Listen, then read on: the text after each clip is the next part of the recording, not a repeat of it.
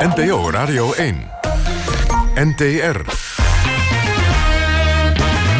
Kwesties met Marianne van den Anker en Rob Oudkerk.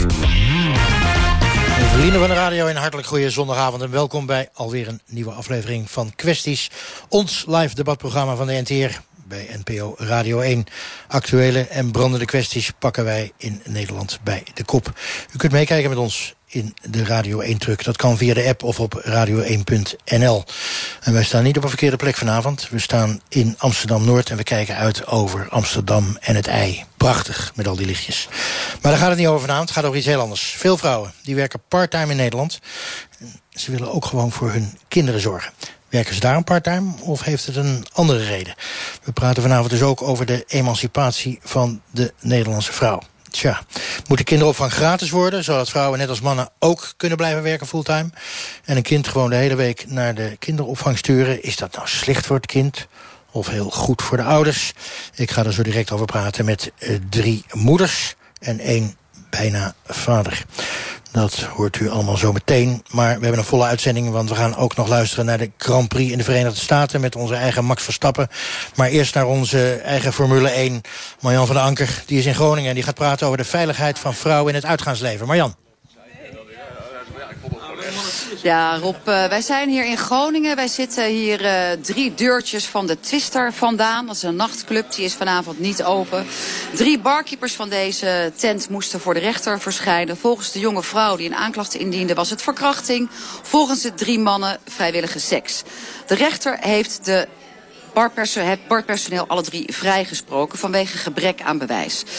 Tja, en billen knijpen, naar de borsten grijpen, onder rokjes graaien, dat soort dingen gebeurt wel eens in kroegen en clubs. Volgens Veerle van Wijngaarden moet ook het personeel eens zijn verantwoordelijkheid gaan nemen. We gaan hierover debatteren. Koninklijke Horeca Nederland is erbij. De lokale politiek en onze vertegenwoordiger van de Koninklijke Horeca Nederland. We starten met jou, Veerle van Wijngaarden. Je hebt een opiniestuk geschreven dat in het Dagblad van het Noorden ook is gepubliceerd. Uh, over deze verkrachtingszaak en ook nadat uh, de rechter deze drie uh, jongens heeft vrijgesproken. Jij hebt de hele tijd in jouw stuk over daders. Ze zijn vrijgesproken. Ja, klopt. Ja, um, ik denk, ik wil het liefst uh, de vrouw geloven. Zij zegt dat zij, uh, niet, dat zij seks heeft gehad tegen haar wil in. Um, en nou ja, hier in het stuk heb ik het vooral over dus aanranders die tijdens uitgaan vaker vrouwen aanranden. Uh, dat vind ik daders, als dat de vraag is. Dan ja, dat vind ik daders. Ja. Ja, nou de schijn in jouw stuk wordt wel een beetje gewekt... dat de rechter eigenlijk naar jouw idee uh, deze jongens wel had moeten veroordelen. Want het gaat om barpersoneel. Er is een meisje binnengekomen, behoorlijk tipsy. En die heeft eigenlijk zelf gezegd... ik wil wel seks met deze jongens hebben, met jullie allemaal. En dat is ook in de zaak zelf gebeurd. De rechter heeft eigenlijk vastgesteld dat deze dame geen nee had kunnen zeggen. Omdat, ja, dat is eigenlijk het probleem in deze hele rechtszaak.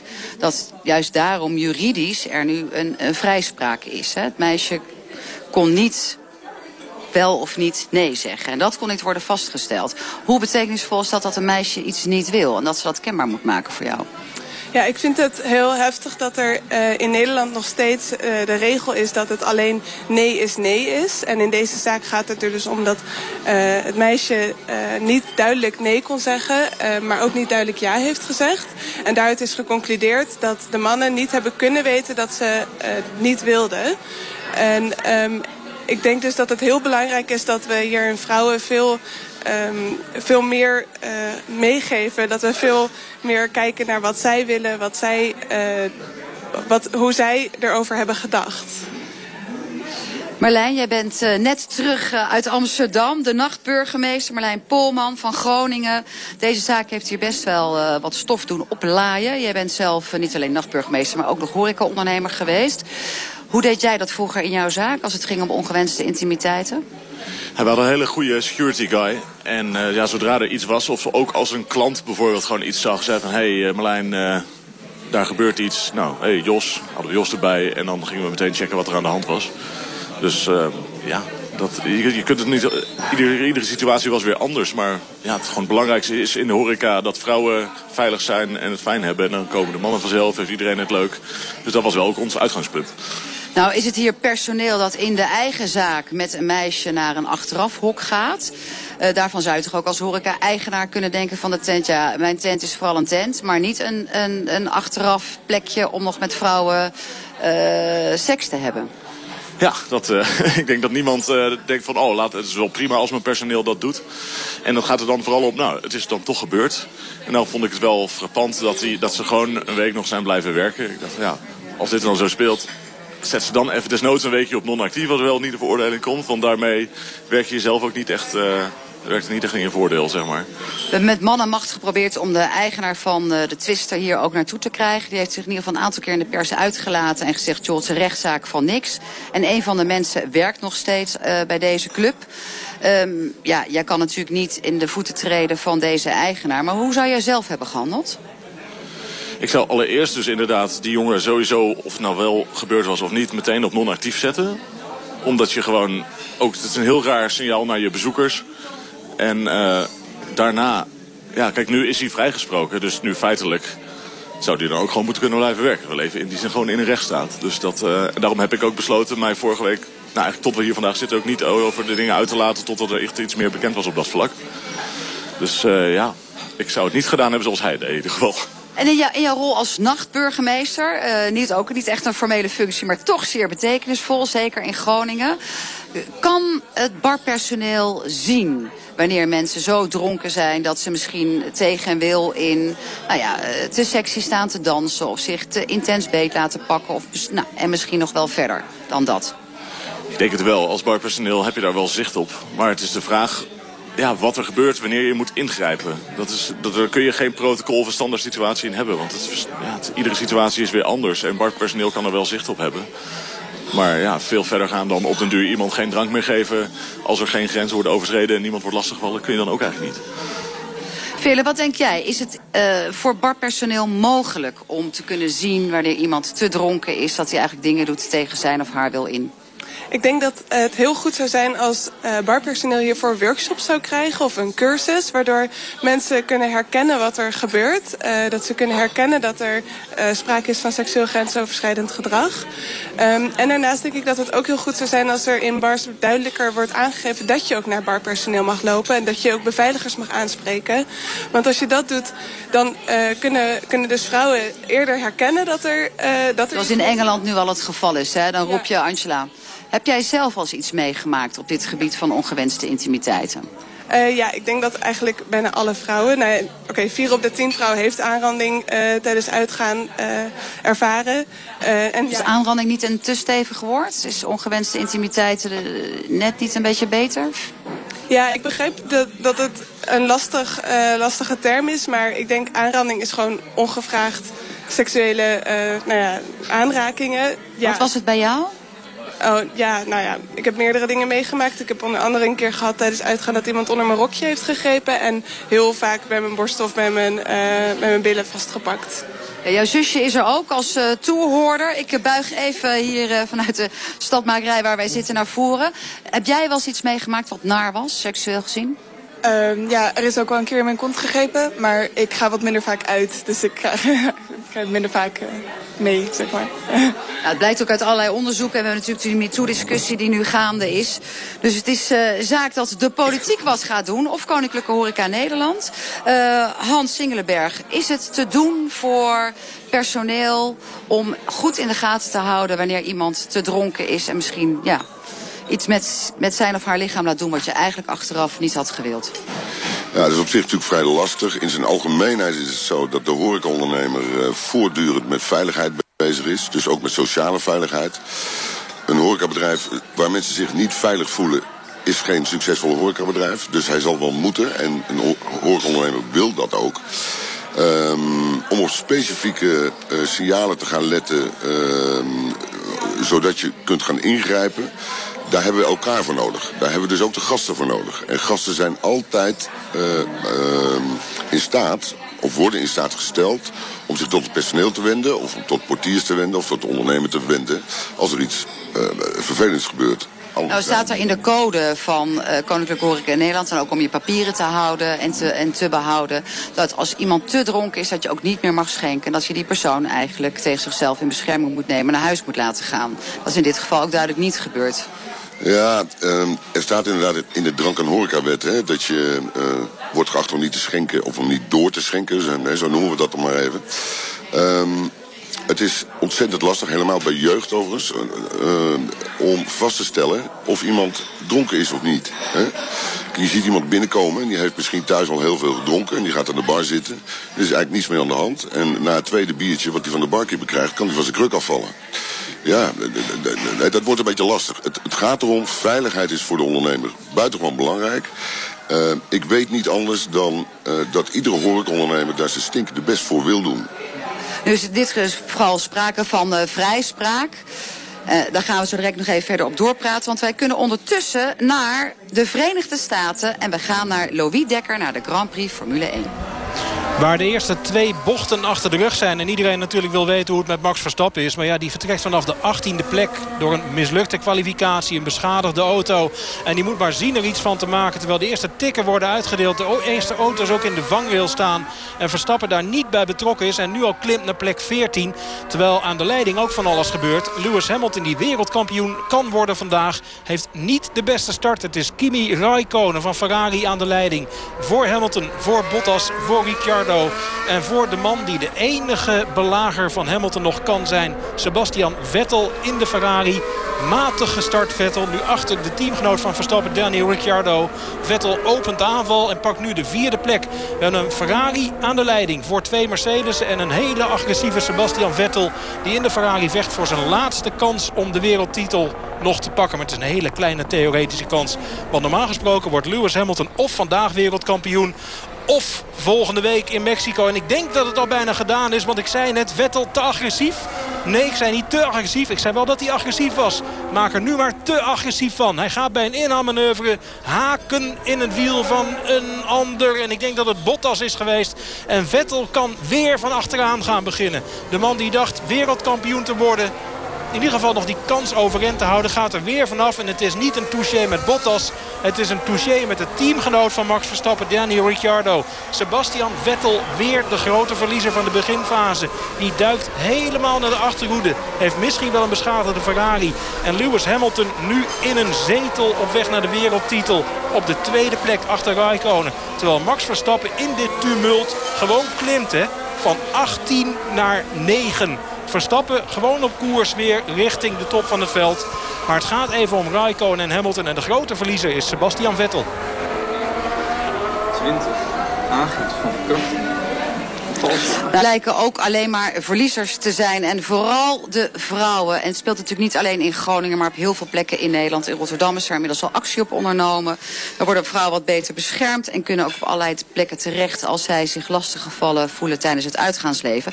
Maar het is natuurlijk ongelooflijk lastig om te herkennen. We hebben dat ook op straat gevraagd. Is barpersoneel nou uiteindelijk verantwoordelijk om seksuele intimidatie tijdens het uitgaan te voorkomen? Om de verantwoordelijkheid bij hun te leggen, dat vind ik wel een heel heftige, ja, heel heftige taak. Want je komt er gewoon om lekker een biertje te tappen en een leuke tijd te hebben met, met je collega's. En inderdaad, het is super druk. En als je dan de schuld krijgt als er iets gebeurt en jij hebt dat niet gezien, nee, dat, dat kan niet. Dat kan echt niet. Nee, die gasten moeten aangepakt worden en niet het, uh, niet het barpersoneel. De gasten moeten aangepakt worden en je kunt het niet bij het barpersoneel uh, neerleggen. Hans Singelenberg, jij zei net vanuit de Koninklijke Horeca Nederland... wij nemen het toch wel serieus. Sociale veiligheid is een verantwoordelijkheid van de ondernemer zelf. Um, gaat deze tent vanuit de Koninklijke Horeca Nederland... de Twister nog een, een gesprek met jullie krijgen? Nou, de, wat ik al zei, veiligheid staat bovenaan. Uh, dat dit individuele geval onder de rechter uh, ertoe heeft geleid dat er vrijspraak... Uh, dat laten we liever bij de rechter. Ik ken de zaak ook verder niet qua uh, details. Wil ik ook eigenlijk niet kennen. Het is een zeer vervelende kwestie, laat dat duidelijk zijn. Het is vreselijk dat zoiets gebeurt.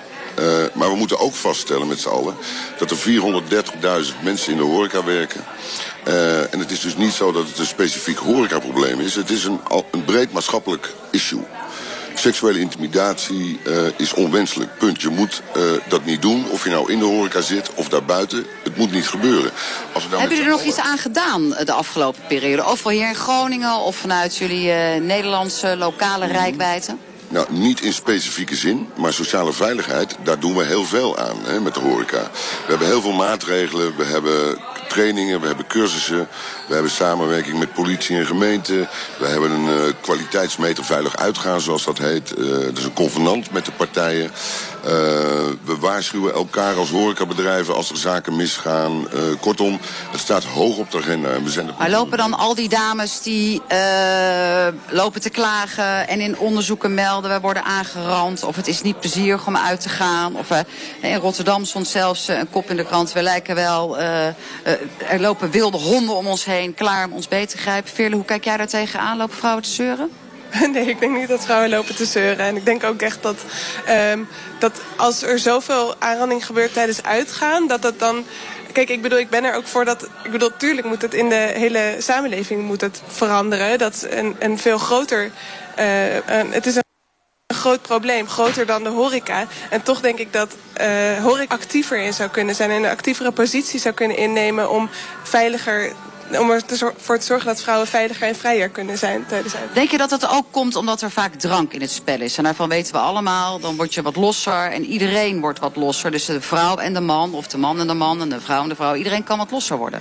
Ik denk dat je hier precies het punt hebt van dat de samenleving, dat het een, sowieso een probleem is in de samenleving. En natuurlijk wordt met alcohol alles losser gaan mensen dus nou ja, meer, meer grenzen over. Maar dat, het hele punt is natuurlijk dat vrouwen altijd dus minder uh, niet worden gezien als, als volledig lichamelijk autonoom. Dat mannen dus denken dat ze recht hebben op aan vrouwenlichamen zitten. En dat dat dan met alcohol meer wordt. Ja, dat, dat laat zien dat alcohol grenzen over, uh, losser maakt. Maar ook dat die, die ideeën sowieso zijn. Dan hebben we hier de politiek aan tafel. We hebben Koninklijke Horeca Nederland aan tafel. En de nachtburgemeester. Wat zou jij van de politiek willen hebben, Veerle?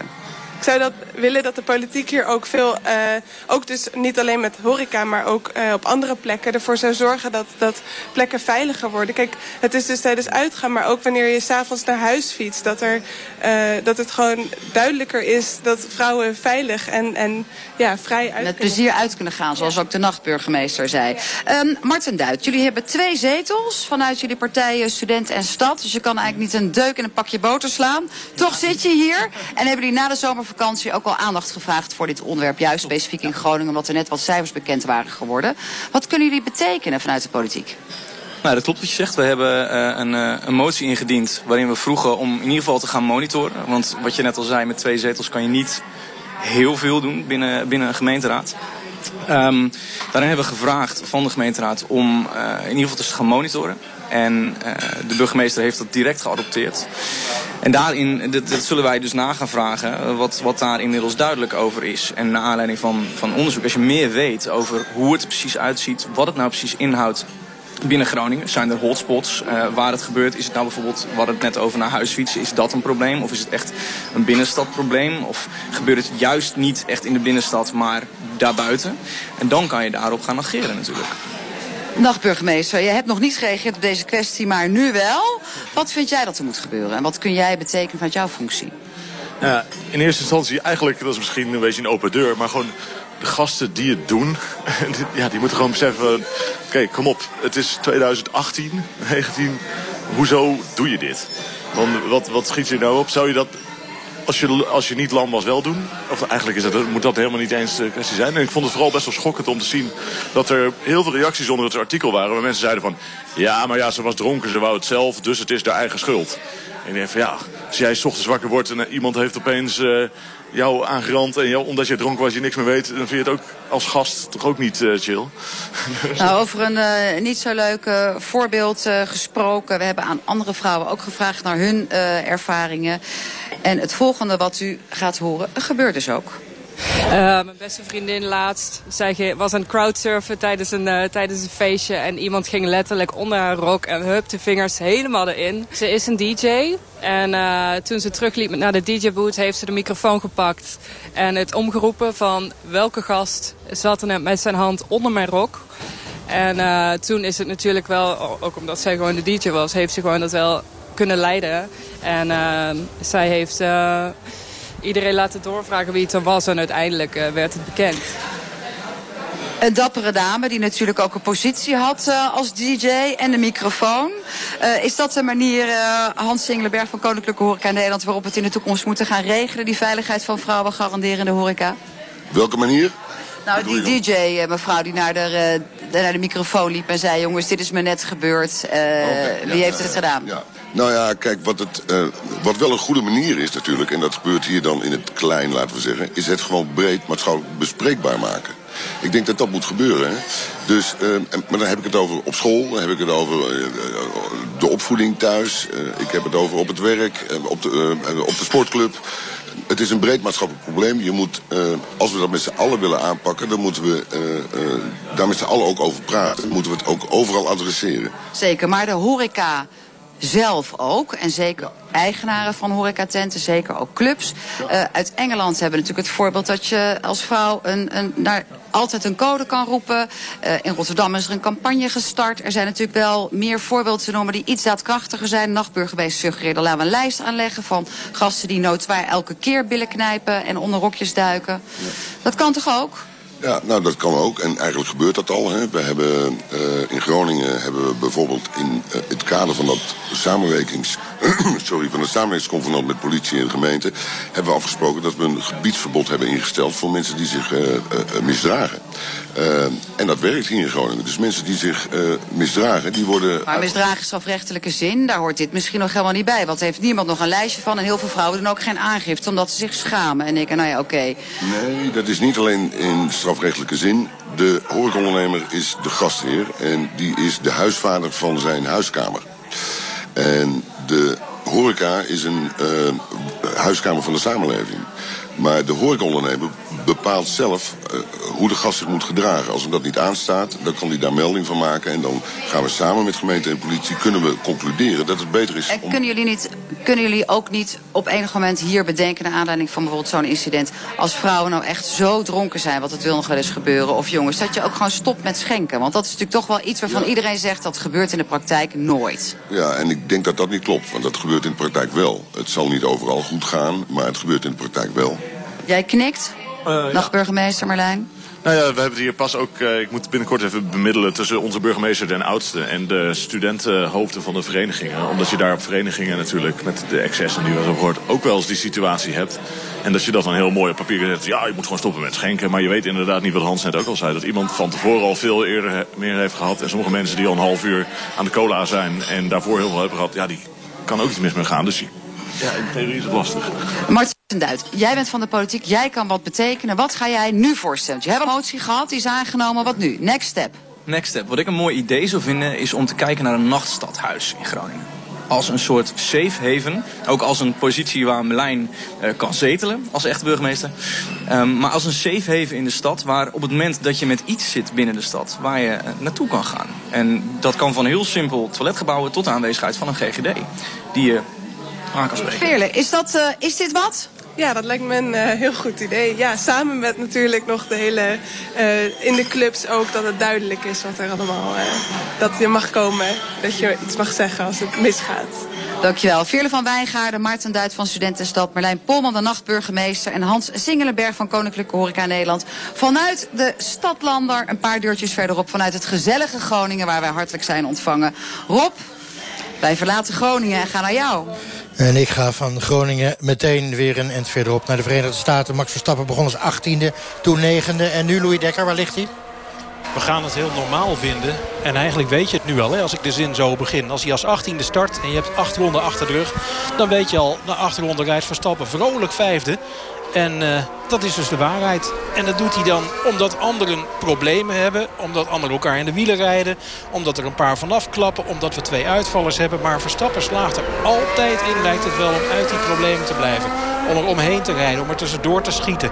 En als je dan ziet dat de man die het eigenlijk moet doen vandaag... Sebastian Vettel weer zich, uh, zich vergalopeert, laat ik het zo omschrijven... Uh, weet dat hij moet winnen en weet dat hij daar in principe gewoon 56 ronden de tijd voor heeft. Maar ja, Hij is viervoudig wereldkampioen. Hij heeft ervaring genoeg. En hij wil gewoon in de eerste ronde alles weer goed maken wat gisteren misging. En dan gaat Vettel proberen bij Ricciardo in te halen. De teamgenoot van Verstappen die het deurtje netjes dichtgooit. Geheel volgens de regels. En dan zie je vervolgens een rode Ferrari weer achterstevoor staan. En dan weet je al, het lijkt wel of Vettel geen wereldkampioen wil worden dit jaar. Koren op de molen van Lewis Hamilton. Die veilig tweede rijdt. En op dit moment gewoon virtueel wereldkampioen is. Want Vettel niet helemaal achteraan. Is alweer teruggeknokt naar de achtste plek. Maar ja, die moet veel meer halen dan de achtste plek. Hij moet Hamilton verslaan. Hamilton tweede en uh, Vettel achtste. Dan heb je de essentie wel te pakken. Dat is verkeerd, Tom. Dat gaat hem niet worden. Terwijl ik een Red Bull zie stilvallen. En het is niet Max Verstappen, maar Daniel Ricciardo, zijn teamgenoot. De nummer 3. Niet de nummer 33, maar de nummer 3. Het is Daniel Ricciardo. Die staat stil halverwege de baan. Lijkt op iets technisch. Kapotte versnellingsbak, kapotte motor. Het zal toch niet weer die Renault-motor zijn.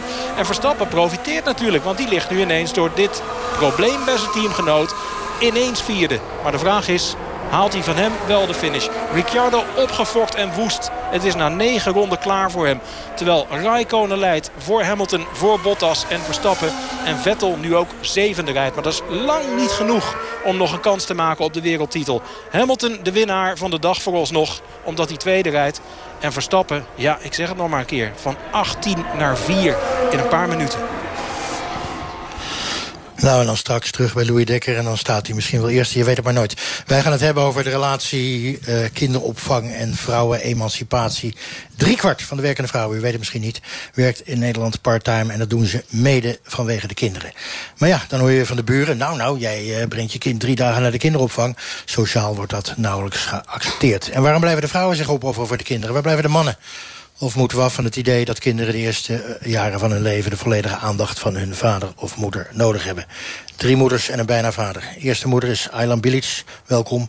Uh, werkzaam in het bedrijfsleven, feminist ook. Hoeveel werk je? Fulltime. En je vriend? Ook fulltime. Um, nou ja, allebei 36, uh, 36 uur. Dat betekent dat we allebei een dag hebben. En daarnaast doen we drie dagen uh, opvang Um, bij de buitenschoolse opvang en daarnaast uh, met clubjes buiten de school. En je dochter is zes, wat vindt hij daarvan? Zes jaar. Nou, zij vindt het uh, heel erg leuk. Ik merk dat ze verschillende vriendengroepjes heeft. Wij zelf hebben op een bepaalde manier, omdat de omgeving heel erg ingericht is op het parttime werken, meer moeite. Dus uh, school doet veel meer appel op moeder. de buitenschoolse opvang organiseert, naar mijn idee, te weinig activiteiten, is er niet op ingericht. En op het werk uh, is het nog al te vaak dat je om acht uur s ochtends uh, in een andere plaats verwacht uh, wordt. Terwijl je gewoon je kind wil halen of brengen. Dat, dat is nog te veel op de vrouw gericht wat mij betreft. In jouw carrière, belangrijker dan het kind, heb je niet af en toe dat je denkt, ik moet gewoon naar huis. Oh ja, zeker wel. Maar dat kun je ook goed organiseren. Als je dat goed organiseert voor jezelf, opkomt voor jezelf... met de man goede afspraken maakt... Want dat is ook uh, van belang. Met de man goede is, afspraken maken. Ja, ja maar okay. dat is zeker niet zonder slag of uh, stoot gegaan. Uh, met de man, met school. en, en soms is er frustratie. Want komende maand zijn er weer drie afspraken... dat je 12 uur s middags of 11 uur s ochtends bij school moet opdraven... voor een een of ander einde thema. Oké, okay, maar voor die emancipatie heb je gewoon harde afspraken met de man nodig. Niet alleen, ook met de werkgever. Want de man die is daar veel... Een sollicitanten bij mij aan tafel, bij mijn headhuntersbedrijf... die, die zegt gewoon simpel Ik wil twee dagen in de week of één dag in de week... drie uur mijn kind kunnen ophalen. En daarnaast wil ik uh, mijn uren zelf kunnen inhalen. Een vrouw zegt van ja, ik wil twee dagen in de week drie uur ophalen... maar dat betekent dat ik parttime wil gaan werken. Dus dat kun je, kun je anders organiseren. Gaan we het straks uh, over hebben. Jennifer Patterson, journalist. En we hebben een primeur hè, vanavond. Want je hebt uh, vrijdag prachtige prijs gewonnen, de Prix d'Europe. Uh, 21 inzendingen, televisie, podcast, radio. Ja, 21 inzendingen uit Nederland. Uit Nederland alleen ja. inzendingen, dus het waren er honderden misschien wel. Ja. En je bent gewoon de absolute winnaar. Van harte gefeliciteerd. Ik begreep Dank. dat je een bronzen stier hebt gekregen, althans een beeld. Ja, ik heb uh, ook gestoken. Uh, hartstikke goed. Hey, je hebt een podcast gemaakt, Opgejaagd. Wat, wat is het voor podcast? Het is een podcast over... Uh, het Nederlandse, ja, hoe, hoe Nederlanders kijken naar kleine kinderen. Uh, dus ik heb gekeken naar de kinderopvang en ik heb gekeken naar de, de basisschool. Dus uh, het gaat over kinderen van 0 tot 12. En het klinkt heel saai, maar dat is het niet. Ik heb het heel onderhoudend proberen te maken. En het gaat ook over ons eigen gezin. Dus uh, heel persoonlijk en intiem. Oh, dan ga ik dus ik volg mijn eigen vragen. kinderen. Want als jij Ja. zoveel podcasts maakt... en je vertelde net voor de uitzending... Hè, het begon met 25 minuten en je wordt steeds enthousiaster... podcast van een uur... betekent dat je fulltime werkt? Nee, ja, ik heb heel veel gewerkt de afgelopen twee jaar... tijdens het maken van deze podcast. Eh, maar omdat ik eigenlijk last had van... eh, mijn kinderen weinig zien... Heeft, is mijn man ook ingesprongen. Hij is gelukkig ook radiomaker. En we hebben het samen tot een goede eind eh, gebracht. Ehm, wat vinden die kinderen van de kinderopvang? Eh, nou, de kinderen wilden in het begin liever niet naartoe. En ik, ik vond het heel Waarom moeilijk. niet eigenlijk? Waarom niet? Gewoon bij papa of mama blijven? Ja, en ik denk dat kinderen hebben dat eigenlijk nodig. Eh, als je kijkt naar research over ehm, de hechting... dan zouden kinderen eigenlijk... Het is verschillend, verschilt per kind... maar dan zouden kinderen ongeveer een jaar thuis moeten zijn bij hun ouders... en eigenlijk liever twee jaar bij sommige kinderen. Maar goed, het dus kunnen tussen zelfs- één en twee jaar. Dat snap ik, maar als ze 0, 1 en 2 zijn... kunnen ze dat moeilijk nog zeggen. Maar de, de- literatuur zegt, dat is voor de hechting Ja, nee, maar je ziet het. Je- ze kunnen niet, niet zoveel zeggen, maar ze hebben onderzocht van hoeveel stresshormonen hebben kinderen op de, op de kinderopvang. En die zijn vele malen hoger dan kinderen die thuis blijven. Oké, gaan we het zo over hebben. Eerst even eh, naar een andere moeder. Niet eh, hier aanwezig, maar wel eh, eh, in Friesland. Manon de Jong. Die reageerde vlak voor de uitzending. Zij voelde zich namelijk behoorlijk schuldig... om haar kind naar een kinderdagverblijf te sturen. Herkenbaar. En nou hoor ik De niet. eerste keer dat ik mijn dochter wegbracht naar het kinderdagverblijf, toen belde ik mijn vriend op. Ik zei, eh, het spijt me, maar dit eh, ga ik niet doen. Dit is echt zo tegen natuurlijk. Dit, ik kan het niet. Ik hou ermee op. Ik weet niet hoe we het moeten doen, maar eh, dit gaat niet. En eh, als echt, het was echt huilend in de auto naar mijn werk. En eh, loslaten, dat vond ik echt wreed. Dus dat was echt niet oké. Maar ik had geen andere optie, want hè, voortgezet onderwijs, de, ik had tien weken verlof gehad. En dan moet je weer aan het werk. Dus dat was zo. En toen dacht ik, nou, dit is gewoon onmogelijk, dit kan niet. En toen zag ik ehm, hoe blij mijn kind was op het kinderdagverblijf. En hoe goed het met haar ging. En ik kreeg tussendoor ook foto's opgestuurd. En dus dat was, dat was, dat was de reden dat ik steeds beter kon accepteren van oké, ja, het gaat goed met dus. Ook hier eh, vanavond aanwezig Annabel Nanninga. Tegenwoordig gemeenteraadslid voor Forum voor Democratie in Amsterdam. Ook moeder, maar ze zijn al oud, hè? 19 en 21. Ja, ze studeren al, ja, joh. Ja. Ja. Maar, maar als je nou luistert, even net naar eh, die mevrouw... eh, met dat schuldgevoel. Jij hebt Ja. vroeger ook naar de kinderopvang gedaan. Ja, Had je ook en schuldgevoel? daar moeten we gewoon eens een keer van af. Kijk, Van het Nederlandse vrouwen zijn wereldkampioen parttimen. We zijn een van de meest geëmancipeerde landen van de wereld. Onze kinderen in Nederland staan stevast aan de toppen van de, van de gelukslijstjes van kinderwelzijn. en Nederlandse vrouwen zijn ook wereldkampioen zeuren en klagen. En dat is ongelooflijk vermoeiend en daar gaan we niet verder mee komen. Nee, ontzettend dramatisch Nee, doen over je kinderen de opvang brengen.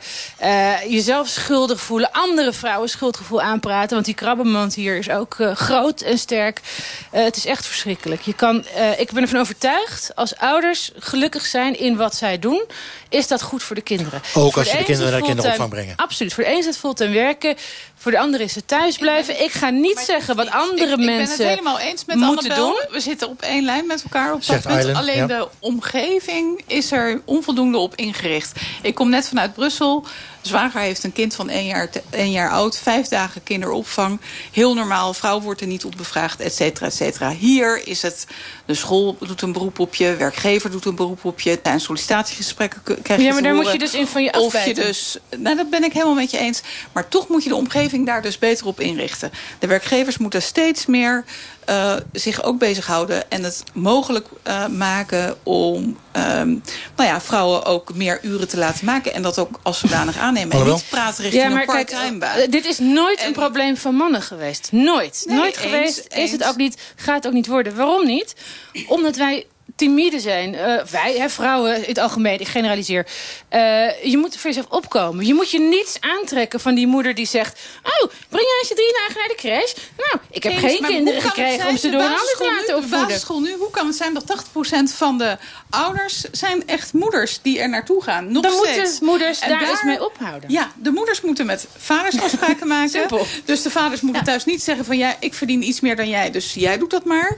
Eh, daar moet je goede afspraken over maken. Met school moet je goede afspraken maken. Niet om half twaalf 's ochtends al moeten uh, opdraven voor een einde themafeestje. Maar de kinderopvang, dat is exact ook een punt waar je goede afspraken mee moet Nou, maken. Ik, ben, ik, ik vind dat we de hele tijd kijken naar de verantwoordelijkheid. Leggen we die of bij de vrouwen of bij de mannen. Maar we moeten die, die verantwoordelijkheid vooral leggen bij de overheid. Die gewoon geen goede kinderopvang regelt. Nee, nee, Die- nee, nee, nee, nee. Je bedoelt, niet, zo, gewoon je bedoelt niet zoals in de Scandinav- Scandinavische Nee. landen, bedoel je? Nou ja, als je kijkt naar Zweden, werken, werken vrouwen massaal in, eh, in fulltime. Ja.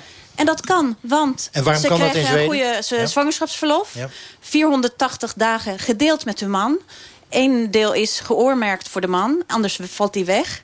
Als die niet die- dat gebruikt, drie maanden. En in Nederland krijgt de man eh, vijf dagen. En niet al- alle die vijf dagen zijn eens betaald. Met Eh, andere woorden, wij moeten naar het Zweedse betaald. systeem. Ik ga jullie even Ehm. onderbreken. Wacht even, ik ga jullie even onderbreken. Jullie zijn met drie vrouwen hier. We hebben één man. Gelukkig, we hebben een man kunnen recruteren. Eh Engin Baydar, een jongerenwerker. Ehm, man, bijna vader, hè? Wanneer komt hij? Hij, Eh, zij? december. Zij is het. Zij. eh, Je weet het al. december. dat Ik weet het zij al. Ja. Hey, en gaat hij naar de kinderopvang? Gaat zij naar de Gaat zij kinderopvang? naar de kinderopvang? Ehm, ik hoop het niet. Ik hoop dat wij de tijd kunnen vinden om, eh, om, om zelf eh, tijd voor het kindje vrij te maken. Maar als het nodig is en echt noodzakelijk is... dan ben ik niet eh, bang om mijn kind bij een kinderopvang te zetten. Maar het is niet je eerste keus. Nee, absoluut niet. En waarom niet? Nee, ik, ik, ik vind het toch een, een fijner idee, een gevoel... dat het kind bij ons is, eh, of bij mij is, of bij mijn vrouw. En ehm, ja, dan krijg je toch wat meer mee van, eh, van een huisgevoel, familiegevoel. Nou, even, Nou, daar ook van. snap ik. Maar eh, nou eerst maar even de cruciale vraag. Ga jij evenveel doen als je vrouw? In welke zin? Nou, voor dat kind. Gaan jullie het 50-50 delen? Hangt er vanaf. Ja, kijk, ik, ik, eh, ik maak niet harde op, afspraken er van... zijn we drie gaan... vrouwen die heel erg goed gaan opletten nu. Ja? Dat is prima, maar ik, ik ben niet iemand die heel schematisch van tevoren gaat... eh, uren gaat indelen in de weken wie wat gaat doen. Nee, maar zeg nou ja of En- nee. en- Ik bedoel, jullie, is Ja, dat de intentie? Ben je ik- ik bereid werk- om dat te doen? Ik, ik werk fulltime, ik werk ook als freelancer. En, hè, dus ik, ik, En je ik ben- vrouw? en mijn vrouw die studeert. Dus die heeft iets meer tijd dan mij. Dus die, het, het, het zal misschien niet gelijk zijn. Maar ik zal wel mijn best doen om, om, om te doen wat ik kan. Het is niet alsof ik het niet ga doen omdat zij de vrouw is. Zodat Ja, zij- maar- omdat zij het Jennifer? Het lijkt de hele tijd is het eh, dat, dat eh, de verantwoordelijkheid van een kind komt neer op een vrouw en de man doet wat hij kan. Eh, Dat is en, en dan is hij super Eens. aardig en, en, Nee. en, Nou, en een ik denk grote niet held. dat we dit Nee. moeten invullen voor hem nu. Want ik neem aan dat zijn vrouw prima voor zichzelf eh, kan opkomen. En ik vind er niks mis mee als vrouwen veel meer voor hun kind zorgen dan de man. Als dat maar is wat alle partijen willen. Precies. En je mag er als maatschappij niet van uitgaan. Maar wat jij net zei over dat de overheid dat moet regelen... ben ik het volstrekt mee oneens. Kinderen zijn een eigen keuze. Die kosten tijd, die kosten geld. We hebben natuurlijk Ja, maar dit is een duur We systeem. hebben natuurlijk opvang. Dat is er ook. Ik vind het niet raar dat je daar dan ook zelf voor moet Dit is een heel duur systeem, want je hebt hoogopgeleide vrouwen die thuis zitten met één kind. Terwijl eh, je een groep kinderen eh, met één, eh, voor één persoon zou voor een groep kinderen kunnen zorgen. En, en voor de kinderen is dat leuk en leerzaam. Maar dan moet dat goed geregeld zijn. Dat die persoon moet hoogopgeleid Oké, zijn. duidelijk, hier zijn jullie het niet met elkaar eens. Wij gaan, we- wat wij altijd doen bij kwesties is ook even de Vox Populi... oftewel de stem des volks vragen. Wij vroegen op straat, zou u uw kind naar de kinderopvang sturen? Nee, ik werk thuis, dus dat is makkelijk. En anders heb ik een hele lieve oppasoma, dus ik heb nou nog geen, oppas no- geen opvang nodig. Ja. ja, dat zou ik wel doen. Eh, ik bedoel, ik denk dat het zowel voor het kind, voor de sociale omgeving goed is... als voor zeg maar, de ouders die gewoon moeten werken om de, om de rekeningen te kunnen betalen. Dus eh, ja. Ja, maar niet voor heel veel dagen. Ik zou dan eerder eh, mijn kind naar oma brengen. Of opa. Of ehm, een tante. Of wat dan ook. Als ik eh, heel hard aan het werk ben, dan ja. Maar als ik tijd heb om eh, mijn kind gewoon thuis te hebben... dan zou ik, dat, zou ik daarvoor kiezen. Eh Arlen, het- 800.000 kinderen, er zitten natuurlijk veel meer aspecten aan. Die gaan naar de kinderopvang, dat is veel. Dat is tegen een miljoen. Hoe weet ik of die kinderopvang voldoende kwaliteit heeft... als ik mijn kind daar naartoe stuur? Door daar gericht naar te kijken, door naar te informeren, door eh, goed eh, research te doen eh, vooraf. Maar is er maar een aantal op? dingen weet je ook niet. Een aantal dingen weet je ook Nee. niet. Dus het is ook, je moet ook vertrouwen hebben om dat te gaan doen. Alleen als ik kijk naar wat er net werd gezegd... ik ben het eens met Annabel dat, dat we meer moeten werken... en dat we het niet van de overheid uh, moeten verwachten. Uh, maar tegelijkertijd ben ik het weer oneens uh, met Annabel... dat de omgeving geen extra druk... je hebt nu eenmaal te maken met je omgeving. Dus je moet heel goed kijken hoe je het uh, organiseert met elkaar. En ja, dat de kinderopvang van kwaliteit niet, niet goed is... daar zul je toch, toch richting de kinderopvangorganisatie zelf... ik heb, daar, ik heb, wacht even, ik heb er nog een vraag. Wacht even, wacht even. Ik heb, ik heb daar nog een vraag over. Want de kinderopvang wordt ook vaak voornamelijk gedaan door vrouwen. Dus krijgen ze nauwelijks met mannen te maken op die kinderopvang. Dat is toch eigenlijk ook scheef? Nou, er zit toevallig ja, een man af en toe bij de buitenschoolse opvang van mijn dochtertje. Ja. Dat, is, ja. dat is waar. Nee, klinkt heel geruststellend. Nee, maar eens. Dat is wel een punt. En je moet daar ook zorgen voor de nodige uh, diversiteit. Nee, maar mag, iets, mag, ik iets zeggen over de kwaliteit van de kinderopvang? Ik heb namelijk uh, het onderzocht. En het is schokkend om te zien dat... Ik heb gekeken naar een heel groot onafhankelijk onderzoek. En uh, dan zie je dat 12% van de Nederlandse kinderopvangorganisaties zijn goed.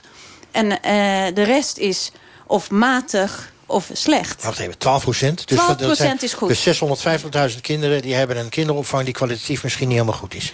Ja, nou ja maar, dat, dat, dat is, en de kwaliteit wordt gemeten.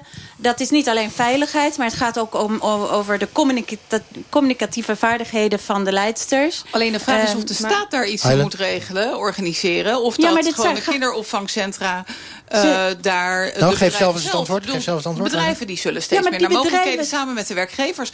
Hoe, het is toch Ik helemaal een basisvoorziening Maar het is toch helemaal niet raar om als werkgever... als jij 50% vrouwen in dienst hebt... om uh, kinderopvang uh, te organiseren, ook voor die vrouwen. Of, nee, nee, nee, nee, nee, niet of voor die samenwerking voor die ouders. Voor de Annabel, ouders. Helemaal gelijk. Wacht even, ik heb... Ik nou, nou, krijg nou wat. Het lijkt je wel de kinderopvang. Ik heb van tevoren gezegd niet door elkaar heen praten... en dan doen jullie het toch. Annabel dan Ik mis even één punt over kwaliteit van de kinderopvang. Werkgevers moeten dat inderdaad, zouden dat voor ouders kunnen regelen als secundaire arbeidsvoorwaarden. Maar ik mis een heel belangrijk ding, namelijk kijk gewoon naar je kind. Hoe komt hij uit die opvang? Hoe gaat hij naar die opvang? Ja, dat, dat zegt kinderen die ontzettend niet voor veel. opkomen, want ze, Jawel, ze want kunnen je niet ziet, eens spreken. Als jij je kind goed kent, dan zie je wel of hij daar met enig welbevinden naartoe gaat of, of, uh, of niet. Uh, en er is ieder kind. Wacht, wacht heel even, ik wil heel even uitspreken. Ieder kind is natuurlijk anders van aard. Hè. Je hebt kinderen die überhaupt wat minder in een groep gedijen of wat meer. Dat zul je sowieso per kind moeten beoordelen. Nee, de kwaliteit van de opvang kan nog zo goed zijn. Maar als jouw kind gewoon geen groepskind is, dan werkt dat niet. Dus je moet het toch per geval bekijken. Dat is ontzettend jammer, maar we gaan even naar Louis Dekker in de Verenigde Staten. Um, Max Verstappen derde, tweede, eerste? Net iets te optimistisch, wel vierde. Dat is ook aardig hoor, als je vanaf de 18e plek start. En van 18 naar 4 binnen een kwartier. Dat rijmt en het is de waarheid. Raikkonen is de leider in de wedstrijd, maar vertekend. Want Hamilton rijdt tweede en is al naar binnen geweest om verse banden te halen. Hamilton lijkt de grote winnaar te worden. Bottas, zijn teamgenoot, is zijn buffer op plek 3. Verstappen vierde en Vettel, die hier echt moet winnen, rijdt vijfde nadat hij het weer verklooide in de eerste ronde. Vettel theoretische kans op de wereldtitel. Moet hij hem wel winnen eigenlijk vandaag. Vijfde, Hamilton tweede. Vooralsnog gaan we ervan uit dat Hamilton op weg is naar zijn vijfde wereldtitel. En de evenaring van Juan Manuel Fangio. Terwijl Verstappen ja, weer doet wat we gewend zijn. Namelijk een inhaalrace van 18 naar 4 en zicht op het podium. Maar nog net niet op het podium. Het is bijna 14 minuten voor 9. Volgens hoogleraar De Weert moet de politiek het mogelijk maken... dat ouders na de geboorte gewoon een jaar lang verlof kunnen nemen. Want in de crash, eh, Jennifer had het net al over... hebben kinderen te veel stress. En bovendien, we hadden het er net al over... is de kwaliteit van de crash is niet altijd even goed. Annabel, jij zit in de politiek. Ja, nou ja, deze politicus vindt dat op zich niet een onaardig idee. Mits vrouwen dan ook, wat Jennifer zei, zoals in Zweden... Uh, voor vrouwen dan ook fulltime werken de norm wordt. He, als jij een jaar betaald thuis wil zitten, uh, nou ja, daar kunnen we het over hebben... maar dan ga je daarna ook niet met een dure academische studie... Uh, een gezellig deeltijdbaantje erop nahouden. dan ook lekker aan nee, de bak. Als we daarin mensen... investeren dan uh, moeten we dat ook serieus nemen. Dan moet je jezelf ook serieus nemen. En dan kan je je geen gaten in je cv permitteren. Eén op de drie huwelijken gaat kapot. Uh, uh, Nederlandse vrouwen zijn schrikbarend veel financieel niet in staat hun eigen broek op te houden. Dan moeten we echt die hele cultuuromslag maken. En dan zou ik helemaal niet tegen een heel ruim ouderschapsverlof zijn.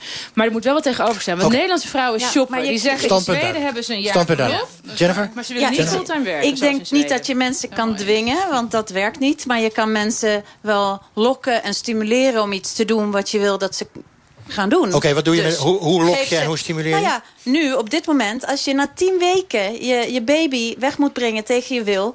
eh, en je voelt je daar beroerd over en je moet zi- zitten kolven op je werk... ja, je krijgt niks Of in de gedaan. auto. Ja. of in de auto. Het is gewoon belabberd, deze manier. En, en, en, en vrouwen krijgen daar, daarvan, denk ik... dat heb ik niet onderzocht... maar heel veel vrienden van mij vallen gewoon met bosjes om... als ze een kind krijgen. Want het is super moeilijk om je werk en... Het gaat ook niet zonder slag of stoot. Maar het is ook nog eens zo dat de verantwoordelijkheid... uiteindelijk moet je je, moet je je realiseren dat het over een langere periode is. Dus op dat moment de stekker eruit trekken...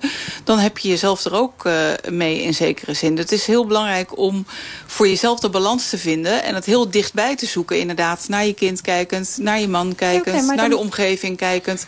En nou ja, die omgeving werkt niet altijd even mee. Maar wat ik ook heb is... ehm, alle kosten als je voor jezelf werkt... of eh, kun je aftrekken voor je bedrijf. Maar kinderopvang eh, kosten niet. Eh, nou, ik, weet, ik begrijp dat het een impopulaire maatregel is... omdat dan de hogere inkomsten daar het meest van kunnen genieten. Maar eh, kosten voor kinderopvang kunnen aftrekken... is op zichzelf niet een verkeerd idee, denk ik... om dat voor jezelf te kunnen Nee, maar organiseren. ik denk dat het gaat Maar om waarom over zou de iets heel staat dat dan basis. moeten doen verder? Ja, is omdat- de vraag. Ja, ik denk dat dat een basisvoorziening moet zijn, net als school dat is, of ouderenzorg. Oké, die punten zijn duidelijk. Maar nu hebben we het ook nog even Onderwijs over, wel. Ja, hebben we het ook nog even over het geld. Want eh, zoals je weet draait ongeveer alles om geld. Bijna de helft van de Nederlandse ouders vindt kinderopvang, eh, ik citeer even, niet te betalen. Blijkt uit recent onderzoek van het Sociaal Cultureel Planbureau. Ehm, wij vroegen op straat of ouders zelf moeten opdraaien voor de kosten. Ja, ik vind wel dat het nodig is. Ik ben zelf, kom ik, eh, zijn mijn ouders nu twee jaar eh, gescheiden. Ehm, en ik vind het gewoon heel belangrijk dat zij allebei gewoon de invulling eh, goed moeten kunnen verdelen. Mee eens. Het moet, alleen niet, moet niet alleen de moeder zijn natuurlijk. Hè? Het moet ook de vader zijn die eh, een deel van de opvoeding... En wat ik nu hoor is de opvang voor de kinderen door de grootouders. Ook belangrijk, maar het ging even een stukje over geld. Blijkbaar eh, staat dat nog niet klaar, maar kan het ook wel aan jullie vragen. Ik vraag me even aan Annabel. Eh inkomensafhankelijke bijdrage, is dat misschien een idee? Mm, Nou, nee, nogmaals, ik, ik vind echt dat, dat je de staat zo min mogelijk verantwoordelijk moet maken voor je eigen eh, levenskeuzes. Hè. Ik, had, ik heb twee kinderen, ik had er misschien ook wel vier gewild. Alleen dat was gewoon met mijn inkomen en, en onze financiële situatie niet reëel. Dus ik vind niet dat de staat dat maar oneindig moet Maar eh, moeten de moet kosten van kinderopvang omlaag? Moet de staat dan daar iets meer aan betalen? Of anderszins, die kosten omlaag? Nee, ik denk het eigenlijk niet. Maar dit, is heel, dit systeem zoals nu, dat is heel goed voor de segregatie. Dus kinderen van laagopgeleide, die blijven thuis. bedoel, die en bedoel die- je cynisch dus, Ja. neem ik aan. Ja. Zeker. Eh, en, en kinderen van eh allochtone ouders of migrant met migrantenachtergrond, die blijven thuis en die maar het is leren de ook geen taal niet. oplossing wanneer SP die wil één of twee dagen Dus- eh, vanaf nul vanuit de staat vergoed. Eh, Ik bedoel, wat doen die ouders dan daarna? Als die twee dagen vergoed worden door de staat, gaan zij dan werken? Of eh, op welke manier? Ik snap wel dat je daarmee achterstand eh, misschien Mhm. in, eh, inloopt. Nee, maar de vraag is of je je verantwoordelijkheid vanuit een gezin... het is net een onderneming, het is net een BV, man, vrouw, kind of kinderen... of je dat volledig uit handen moet geven. De, de overheid moet faciliteren en het mogelijk maken. En ik denk dat, dat de zorg veel meer in onderwijs eh, moet zijn. En voor kinderopvang las ik dat volgend jaar kwart miljoen extra uitgetrokken is... om de kwaliteit te verbeteren. Kwart miljoen. Eh, eh, kwart miljoen, Ja. ja. En, en dat, dat, dat is op zichzelf gewoon wel een noodzaak. Want er is aardig wat bezuinigd. Er zijn weinig pedagogische medewerkers. En dat is op zichzelf al een goed vertrekpunt naar de toekomst toe. Burgers moeten zelf betalen voor de kinderopvang. Ga nog even luisteren wat het volk ervan vindt. Ja, ben ik het mee eens. Nou, je neemt zelf kinderen, dus dan heb je de verantwoordelijkheid. Nee, oneens. Toch. Eh, ik vind dat het vanuit de overheid gestimuleerd moet worden dat eh, beide ouders werken. En nou ja, als dat, eh, om dat mogelijk te maken denk ik dat het nodig is dat de overheid geld geeft aan gezinnen. Ja, ik denk dat dat vooral inkomensafhankelijk moet zijn. Ik bedoel, zeg maar, mensen die het gewoon niet kunnen dragen. Ja, het lijkt me logisch dat zij eh, een vangnet hebben. En verder, eh, op het moment dat jij gewoon echt meer dan genoeg verdient... zie ik niet waarom de staat zou moeten betalen voor jouw kinderopvang. Ja, dat vind ik eigenlijk wel. Je kiest er zelf voor om kinderen te nemen. Ja. Ik vind uh, werk is een, uh, nogal een uh, kernwaarde in de samenleving. En ik vind dat iedereen moet kunnen werken. Dus ik vind ook wel dat je er zelf aan moet bijdragen aan de kinderopvang. Maar ik vind dat de overheid hier ook wel een taak heeft om dat zo gunstig te maken... dat ook alle ouders kunnen werken als zij zouden willen werken. Enzin Badar, we hebben je een tijd niet gehoord in het geweld van deze drie vrouwen. Heb je, daar, heb je er eigenlijk nog wel zin in, uh, vader te worden? Sorry? Heb je er eigenlijk nog wel zin in om vader te worden? Oh, absoluut, als je dit zo hoort. Absoluut. Ik stuur toch niet naar de kinderopvang, dus voor mij maakt het niet uit. Kijk, het is, er, uh, ja, het is simpel. Kijk, uh, de, bij de een is het... wat ik van jouw verhaal hoor, is dat, het, dat je heel graag meer kinderopvang Jennifer, wil. Ja. Jennifer, ja. En, nee, beter kinderopvang. Beter en, kinderopvang. Zodat mensen echt ja, okay, een keuze maar, hebben. Ja. ja okay, ga verder, ga verder. En, en dan zeg je ook nog eens dat er een drastisch laag percentage is van 12%. Nou, dat motiveert mij al helemaal niet.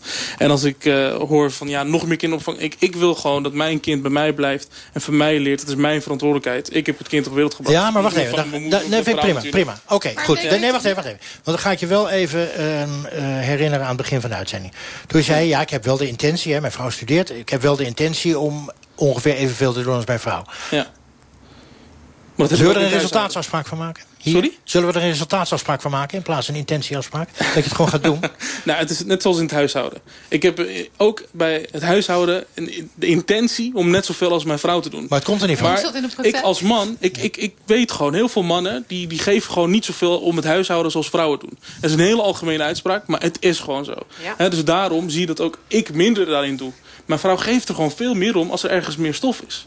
En dat zie je in meerdere gezinnen. En dan krijg ik natuurlijk heel maar mag veel... ik daar een opmerking ja, over zeker. maken? Ja, zeker. Je hebt het over kinderopvang en ik wil er graag bij me houden. Ik wil mijn kind ook graag bij me houden. Ja. Een week is toch veel meer dan 40 uur per week. Ik bedoel, Mhm. een, een dag is 24 uur, daarvan 8 uur.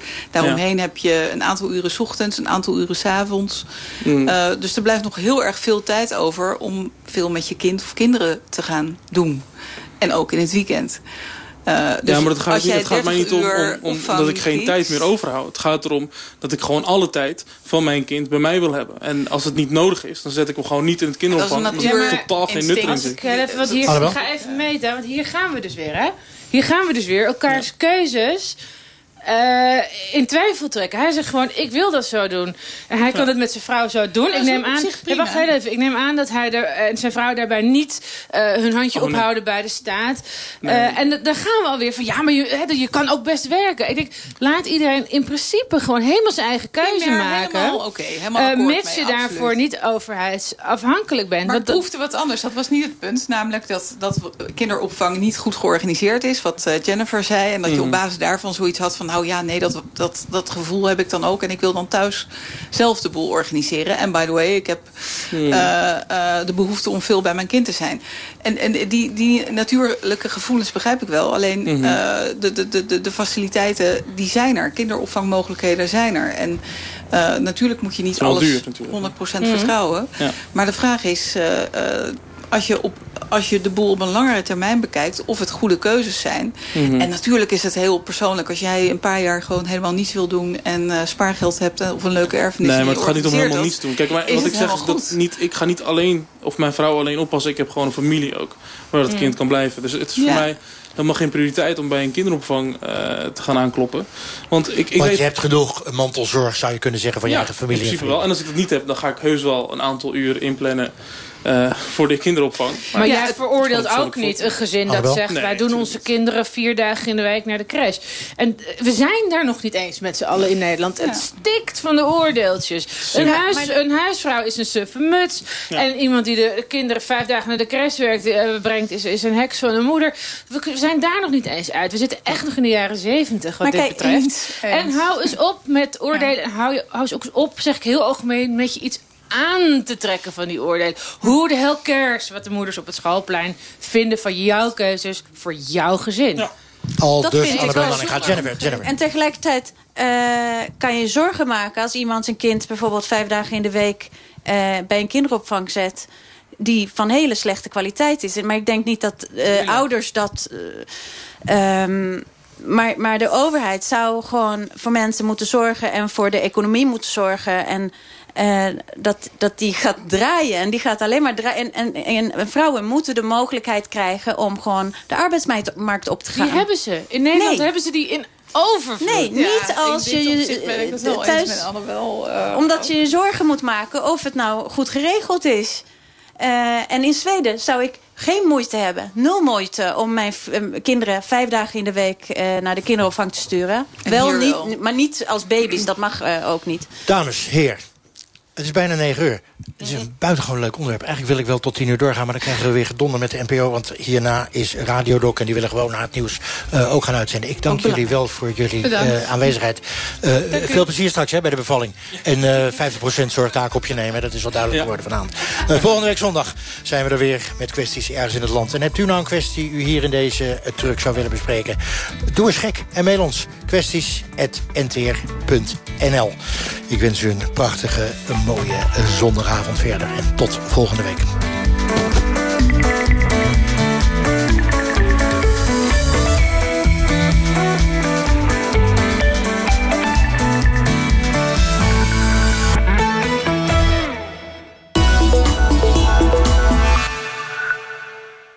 U zit in uw nieuwe Volvo V40 Polar Plus Sport. Uw stoel is verwarmd. Uw premium audio speelt uw favoriete tunes. U start de krachtige motor. De automaat schakelt sportief door. En de herfstzon schijnt door het panoramadak. U zit goed.